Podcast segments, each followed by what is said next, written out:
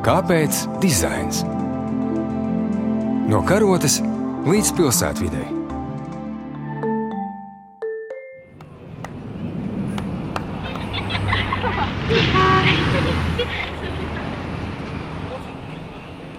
Pilsētu skati un ainavas mākslas vēsturē bijušas atainotas jau senās gravīrās, kā arī dokumentāla liecība, vai mākslinieki dažādi gleznās izpauduši savas sajūtas par pilsētu un izmaiņām tajā. Par to domājot, gribētos pieminēt gan filigrānos Johāna Kristofa Broces akvareļus, Ludolfu Libertu, kurš gleznoja gan zemnieku mājas, gan Versaļu, Parīzes bulvārus nakts gaismās, Venēciju. Vai krietni vēlāk jau Jāņa Brektes akvareļos esam atpazinuši to mazo vecrīgas ieliņu, kur esam gājuši paši, bet amerikāņu māksliniece Džordžija Kīfa, kas dēvēta par ASV modernismu māti, pati dzīvojot 30. stāvā, gleznoja arī galvu reibinošos debesskrāpjus. Aleksējs Naumovs glezno dabā, uzstāda Molbertu, un Eiropas arhitektonisku un ainavisku estētiskās vidēs top viņa kārtējā glezna, bet viņš uz audeklu uzliek arī aizsaluša Daugava Rīgas panorāmā vai pārdaugavas skatus. Studijā šodien esmu aicinājusi arhitekti Veltu Holcmani, RTU Arhitektūras un dizaina institūta projektu vadītāju, kura devusi ieguldījumu arī arhitektūras muzeja izveidošanā un strādā arī pie žurnāla Latvijas arhitektūra izdošanas, un gleznotāju Latvijas Mākslas akadēmijas profesoru, bijušo akadēmijas rektoru Alekseju Naumovu. Jūs uzrunājat Ilzi Dobeli un šajā sarunā par to, cik nozīmīgi ir pilsētvides arhitektūras atspoguļojums mākslā un kā vizuālās mākslas virziena dažādi dažādībām, tas allaž saglabā mākslas vērotāju interesi. Esiet sveicināti šeit, radio studijā. Prieks jūs uzņemt. Ir atklāta izstāde ar ļoti interesantu nosaukumu Uzgleznotā arhitektūra.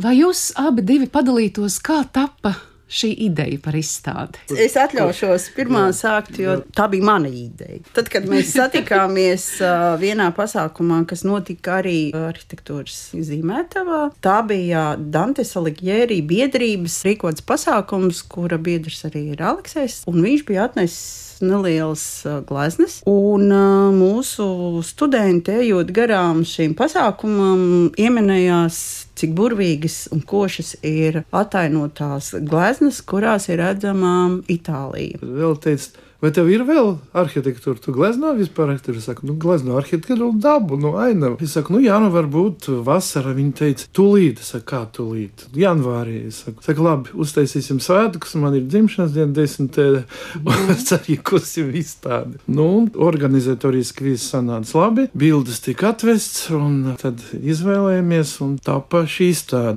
šīs izstādes norises vieta RTU, ja tagad mēs arī pieminam arhitektūras un dizaina institūtu, arī zināmā mērā daļai atbild uz šo jautājumu, kāpēc tieši šī reize ir šai izstādē piemērota vislabākā, jo šī uzgleznota arhitektūra to arī sasaist. Un, Aleksej, jūs izstādē esat uh, izraudzījies gan um, pasaules glaznēnākās vietas kā Burāno, Venēcijas, Sicīlijas, Parīzes, Ņujorkas ainavas. Kāpēc pilsētvide ir kļuvusi es varētu uzdrošināties teikt par jūsu šobrīd eh, galveno tādu raksturojošo dairades tēlu. Jūs esat to izkopis un turpināt to darīt. Arhitektūra, vai tas ir labi, interesanti, ka tā bija tā apzīmēta, jo es viņu uztveru dabiski, un tas ir cilvēkam domāti, ja, un kad arhitektūra ir kopā ar dabu, un dažreiz viņi tieši pret dabu ir tā konsekventi, kā var būt Ņujorka vai Brooklynas puses vai visi debeskrāpji. Sakārtot vienā vietā, nu, tur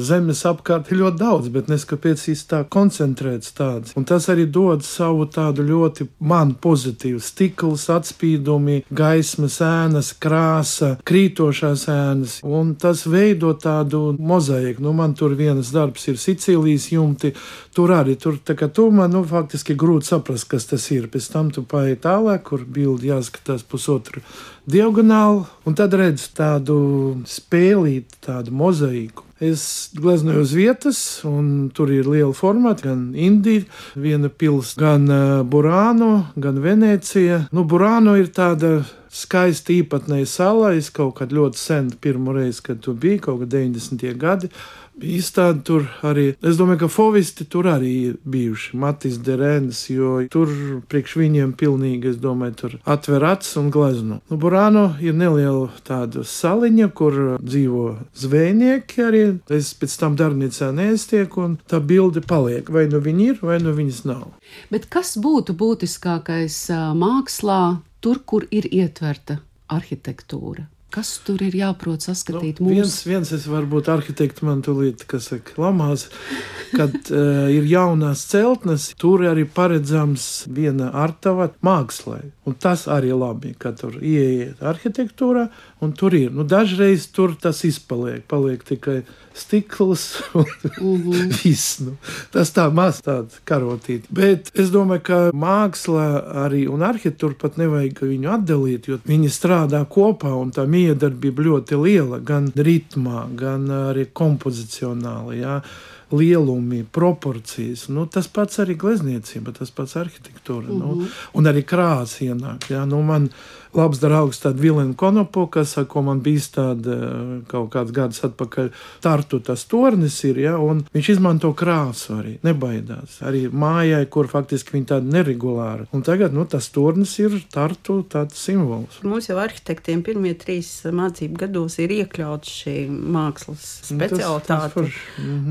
Studenti mācās gan zīmēt, gan akvarelēt, viņi arī iet plenērā. Un, protams, tieši tas, ko Aleksējs teica, proporcija melodijām, ritms, krāsa arī, un tas jau ir tik uh, līdzīgi. Visi simptomi, kas ir tikai kā kurš redz to arhitektūru. Tur ir tā atšķirība, es domāju. Jo Ļoti bieži, kad arhitekti taisa savas vizualizācijas, viņi cenšas to māju attēlot tomēr tā, kā viņi ir ieplānojuši. Materiālu lietojumu mākslinieki ir daudz brīvdomīgāki. Viņi tomēr ir mākslinieki, un vai nu viņi ir tie, kas reāli attēlo to pilsētas telpu un pilsētas vidi vai objektu, vai viņi tomēr ir nedaudz fantastiski un viņi pieliek kaut ko no sevis klāt, vai varbūt to citu pagriezienu leņķi. Un, un ir, protams, dažādi skatījumi uz to pilsētas telpu, bet tas, ko dara arhitekti, viņiem ir tā saucamā stafāža. Viņi taisno otrādi pie tā objekta pieliek tos cilvēciņus klāt un to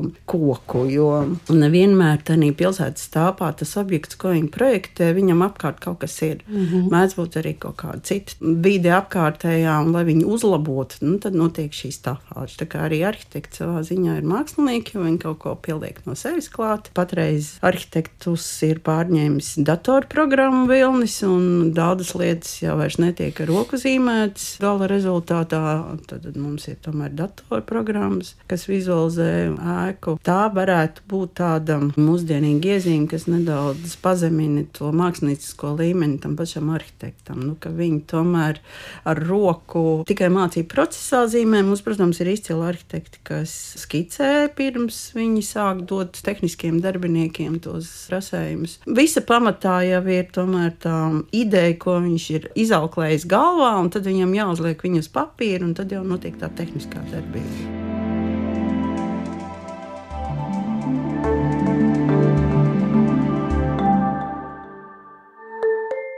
Jūs teiktu, nu, cik tur ir tas solis tiešām līdz tam, ka nu, jūs ieraugat, vai kā tas mākslinieks to man mājā ieraudzīja pavisam citādāk? Es domāju, ka tas, nu, ir, tas ir tas atšķirīgais redzējums.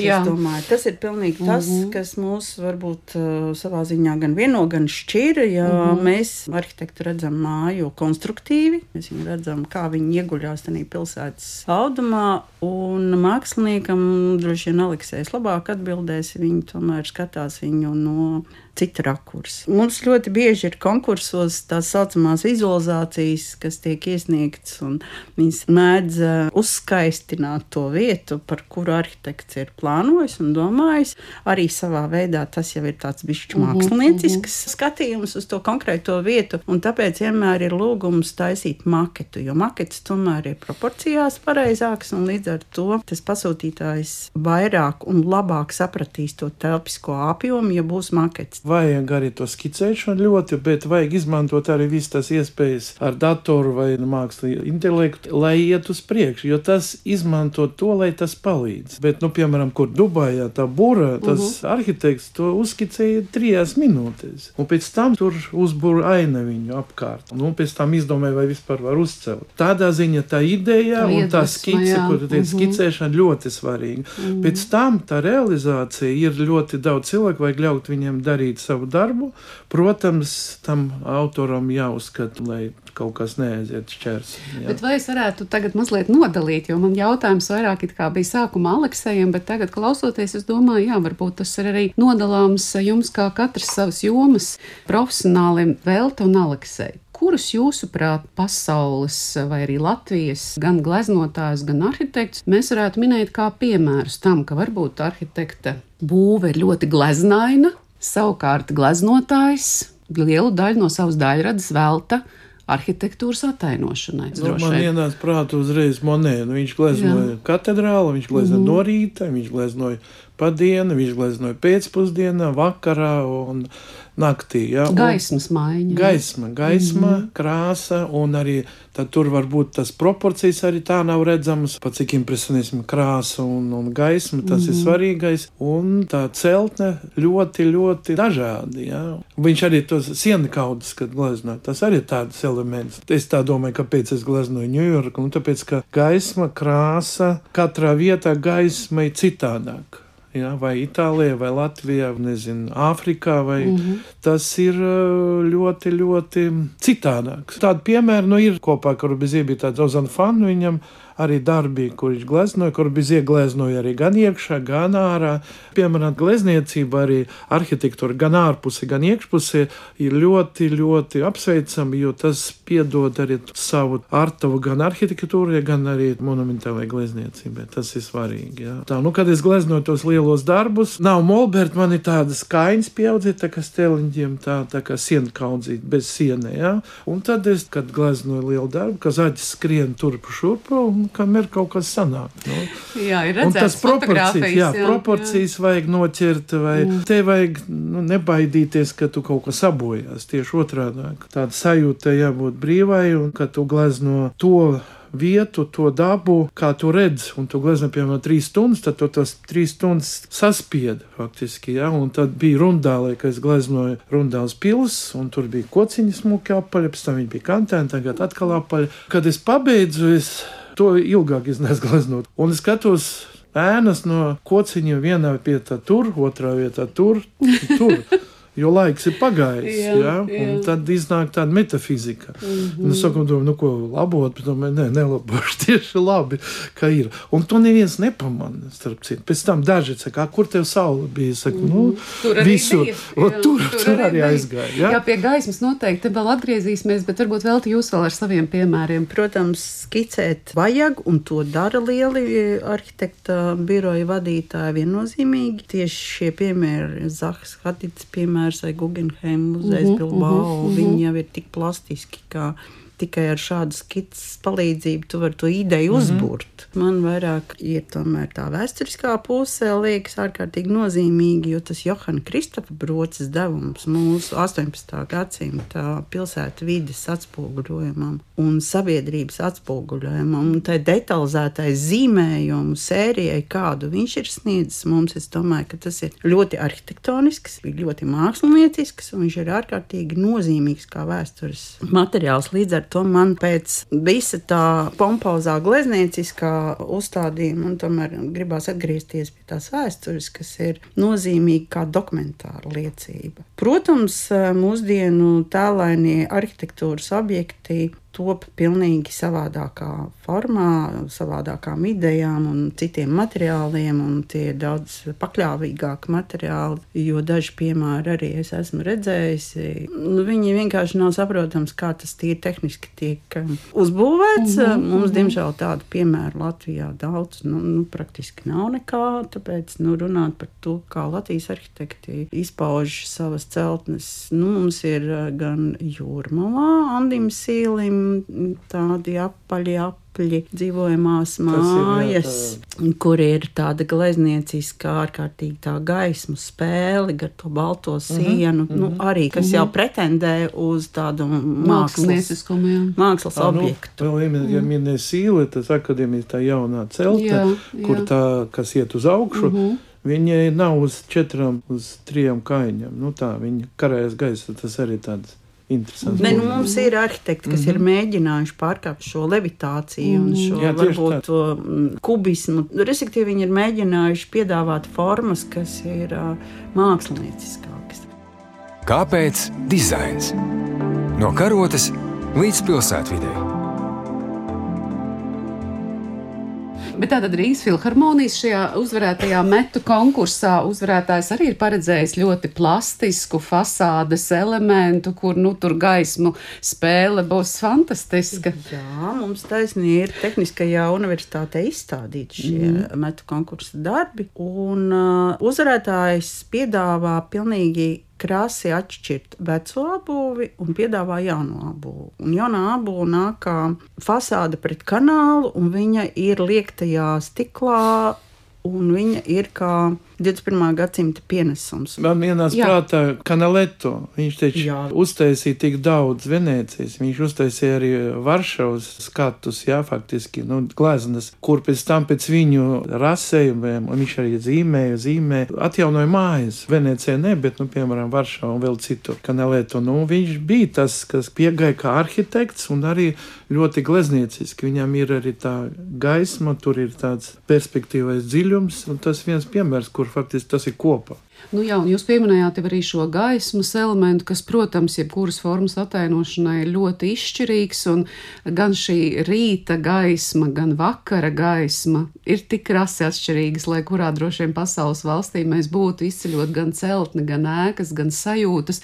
Nu tad, Aleksei, kāda jums ir mīļākā gaisma? Katrā valstī, kurā jūs gleznojat sava, lai to attainotu? Es mīļāko gaismu tā nevaru pateikt, bet nu, man patīk arī Latvijā, kad ir e, rīts vai vakars, uh -huh. vai arī ziemas, kur ir tāda ziema tagad. Man patīk sniegs, ka viņš ir balts, kad es tur mārupītē gleznoju, kur uh -huh, purvīts arī gleznoju. Uh -huh. Tas arī tā fascinē. Un tas balts. padara asākas formas, kāpēc neobligāti, tas rīts vai vakars ne, ir? Neob, tieši, uh -huh. tieši tagad es skatu, kad brauc pāri upē, Daugavai, siluets Rīgas vispār nebija, bet knapi varēja redzēt, tas -huh. bija baigi forši. Mīnusos, kur var gleznot, varbūt tur ir asāk tā gaisma. Bet jā. mēs nevarētu teikt, ka pēc jūsu pieredzes katrā valstī jūs esat atradis piemērotāko dienas daļu tās valsts dokumentēšanai. Nu, nu, nu es dokumentēšanu pat neteiktu, jā, kaut mm. kur ir, jo diezgan brīvi pieeja. Ja es principā negleznoju tā varbūt pat konkrēto cenu, konkrētā gaismas un ēnas miedarbību, un mm -hmm. ko es atrodu tā arhitektūra, tas man patīk. Dažreiz man vajag kaut ko, piemēram, atmest, vai tieši labi, ka līst lietas, vai putni lido, vai bērni pieskrien, uzliek palete rokas pēc tam pie tekrēkla un uzreiz vecākiem jāmazgā, bija tāda varianta. Bet uh, tad tev jāstrādā ātri, jāatrod, tu pareizi tiesi pareizo laiku, pareizo vietā, pareizo gaismu. Un tad tad tas darbs top. Mākslinieckā vērtība, dokumentālā vērtība vai dokumentēšana arhitektūras, jā. Jā, kas paliek kā kultūra vēsturisks mantojums nākamajām paudzēm, ir saistīts ar glezniecību un arhitektūru. Bet eh, kāpēc, jūsuprāt, arī skatītājiem, mākslas baudītājiem ir tik interesanti joprojām mākslā redzēt? Arhitektūru. Nu, tā horizontāla līnija, faktiski arī, ko tu glezno, vienalga tā ir ainava. Rotko arī ir strīpiņa pa vidu, augšā un apakšā. Viss, nu, tā ir ainava. Ja. Un piesaist, nu, tā es piekrīstu vēl te, ka tas ir uh, cits skatījums.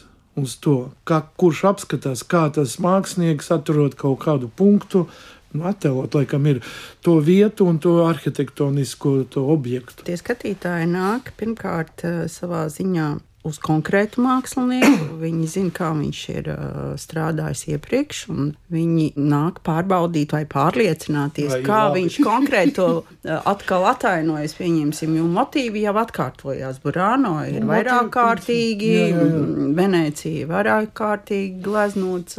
Es domāju, ka tas ir, kad nu, tu seko mākslinieka daļradē līdzi un tomēr skaties viņa izaugsmu, viņa redzējumu uz to arhitektūru un arī savā ziņā nu, nenoliedz liekš, ka nu, cilvēki visur neceļo. Un, ja viņi redz Ņujorku, mm. tad viņi ir pateicīgi māksliniekam, kā viņš to Ņujorku ir redzējis. Jo mēs viņu redzam varbūt no pastkartēm vai televīzijas mm. ekrānos. Mēs visi neesam visur bijuši. Tāpēc es domāju, ka šī izstāde ir mākslinieks skatījums uz konkrētu vietu. Mm. Kā viņš to ir mums parādījis.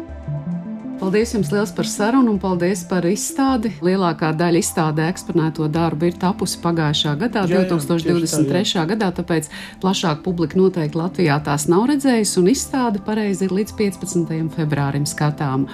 Sarunājos šodien ar arhitekti, RTO arhitektūras un dizaina institūta projektu vadītāju Veltu Holcmanu un gleznotāju LMA profesoru Aleksēju Naumovu. Raidījumu var klausīties arī zināmākajās podkāstu aplikācijās. Paldies Kultūra Kapitāla fondam un arī Latvijas Rādio 3 redakcijai par atbalstu. Sarunu montē Judīta Bērziņa, jūs uzrunāja Ilas Dobele uz tikšanos!